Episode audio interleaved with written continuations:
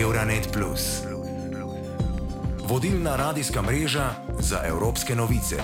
V zadnjih treh letih je vse zaplet okoli pandemije COVID-19 pripomogel k temu, da smo začeli izgubljati zaupanje v tradicionalne inštitucije, predvsem politične. Marsikdo je podvomil tudi v znanost. Dvom se je pokazal pri zaupanju v farmacevtska podjetja.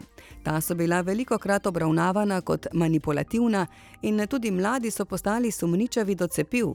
Zakaj je prišlo do toliko dvomov v znanost prav v letih med pandemijo, sem vprašala znanstveno svetnico na odseku za nanostrukturne materijale na inštitutu Jožef Stefan ter koordinatorko podjetja za promocijo znanosti Znanost na cesti, dr. Sašo Novak. Velik problem se mi zdi to, da živimo v svetu naglice, uh, vse se mudi, vse mora biti takoj in vse je takoj.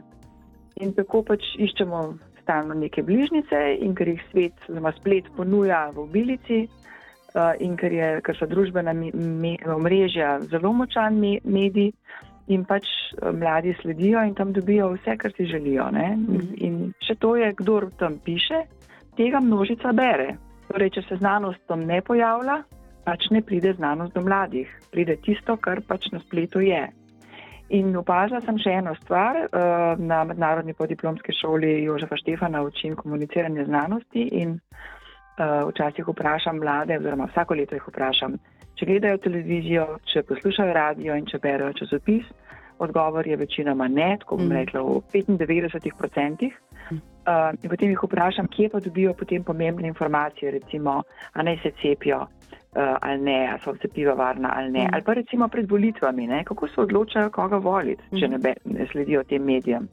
Ampak v bistvu njihov medij so zdaj državno omrežje kjer algoritmi poskrbijo, da dobijo, kar jim je najbližje. Uh mhm. -huh. In to jih zapira v mehurčke somišljenikov. Doktorica Saša Novak tudi pravi, da se dvomi v znanost niso porodili med pandemijo, ampak da so takrat izbruhnili.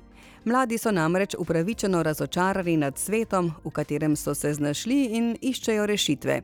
In jasno je, pravi Saša Novak, da jih iščejo tam, kjer jih starejši ne. Zakaj mladi raje verjamejo objavam na družbenih omrežjih?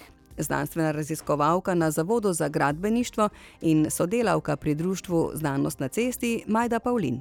Jaz mislim, da je problem na teh Instagramu, pa na Googlu, ja. pa to, uh, to, da recimo te teoretiki zarod uh mhm. -huh. zelo dobro znajo prepričati z nekimi argumenti. Se pravi, oni dajo neke informacije, ki so za ljudi zanimive, jim, la, jim lažje verjamemo. Govorijo tisto, kar želimo ljudi slišati, uh -huh. ne, mhm. nekako na tak način. Tukaj je verjetno problem to, da če bi se mi poglobili v te zadeve, bi tudi, oziroma če bi nekaj kritično razmišljali o teh različnih teorijah, bi prišli tudi do, do tega, da bi videli, da je veliko neresnic. Kako pa se znanstveniki lahko odzovejo na teoretike zarod? S čim lahko znanstveniki ovržejo dvome, če argumenti ne prepričajo? Doktorica Saša Novak z inštituta Jožef Stefan, ki se ukvarja tudi s komuniciranjem znanosti, pravi, da različno in predvsem nečustveno. Primorana je stvari razmisliti in se potruditi. V zadnjem letu, oziroma v zadnjih dveh letih, je bilo veliko govora ravno o tem, kako se pogovarjati z ljudmi, ki ne verjamejo, recimo, da je cepljenje koristno ali pa da COVID sploh obstaja. Ne? In uh, mislim, da smo se naučili lahko dobrih komunikatorjev, kot so v Sloveniji, uh, da je enostavno je fajn se pogovarjati. Kako, zakaj tako misliš, kje si to dobil?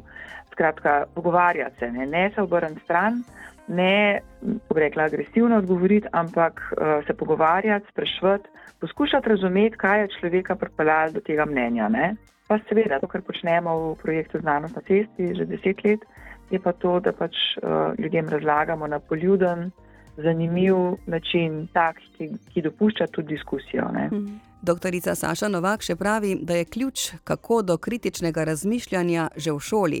Da je nekaj narobe v šolskem sistemu, pa je vidno iz razmer. Zdaj se včasih pogovarjam z ljudmi, oziroma šolniki tudi in pravijo, da pač tak je učni načrt, tak je sistem in da oni vključujejo mlade. Ampak v resnici jih očitno ne, ker če bi jih vključevali, če bi, če bi otrokom pustili raziskovati, namesto da jih samo poučujemo, uh -huh. uh, da bi jih zgodaj naučili kritičnega razmišljanja, uh, da bi jih vprašali, ali je to sploh možno, uh, kje si to prebrala, ali je to verodostojen vir. Uh -huh. Potem bi mogoče mladi na drugačen način reagirali na tisto, kar najdejo v svojem mehurčku. Mladi raziskovalec na inštitutu Jožef Stefan, Rok Novak, pa pravi, da kritično mišljenje in znanstvena pismenost spada v nekakšen toolbox skupaj z analitičnim mišljenjem, reševanjem konfliktov in drugimi mehkimi veščinami. Te nam omogočajo, da se lažje orientiramo v svetu. Zdaj, seveda, kritično razmišljanje in znanstvena pismenost pa sta nekako tisti ključni dve urodji, ki nam omogočata, da nekako ugotavljamo, kaj je res, kaj ni, kdo nam laže, komu lahko verjamemo, oziroma da, da imamo boljše razumevanje, da svet večinoma deluje na principu nekih verjetnosti in da znamo preceniti, kdaj je verjetnost, da je nekaj višja, kdaj je nižja se bolj smiselno orientirati v takem svetu. Rok Novak še dodaja, da so mladi vendarle vedno bolj skeptični do socialnih omrežij in da nekako bolj obvladajo tokove informacij.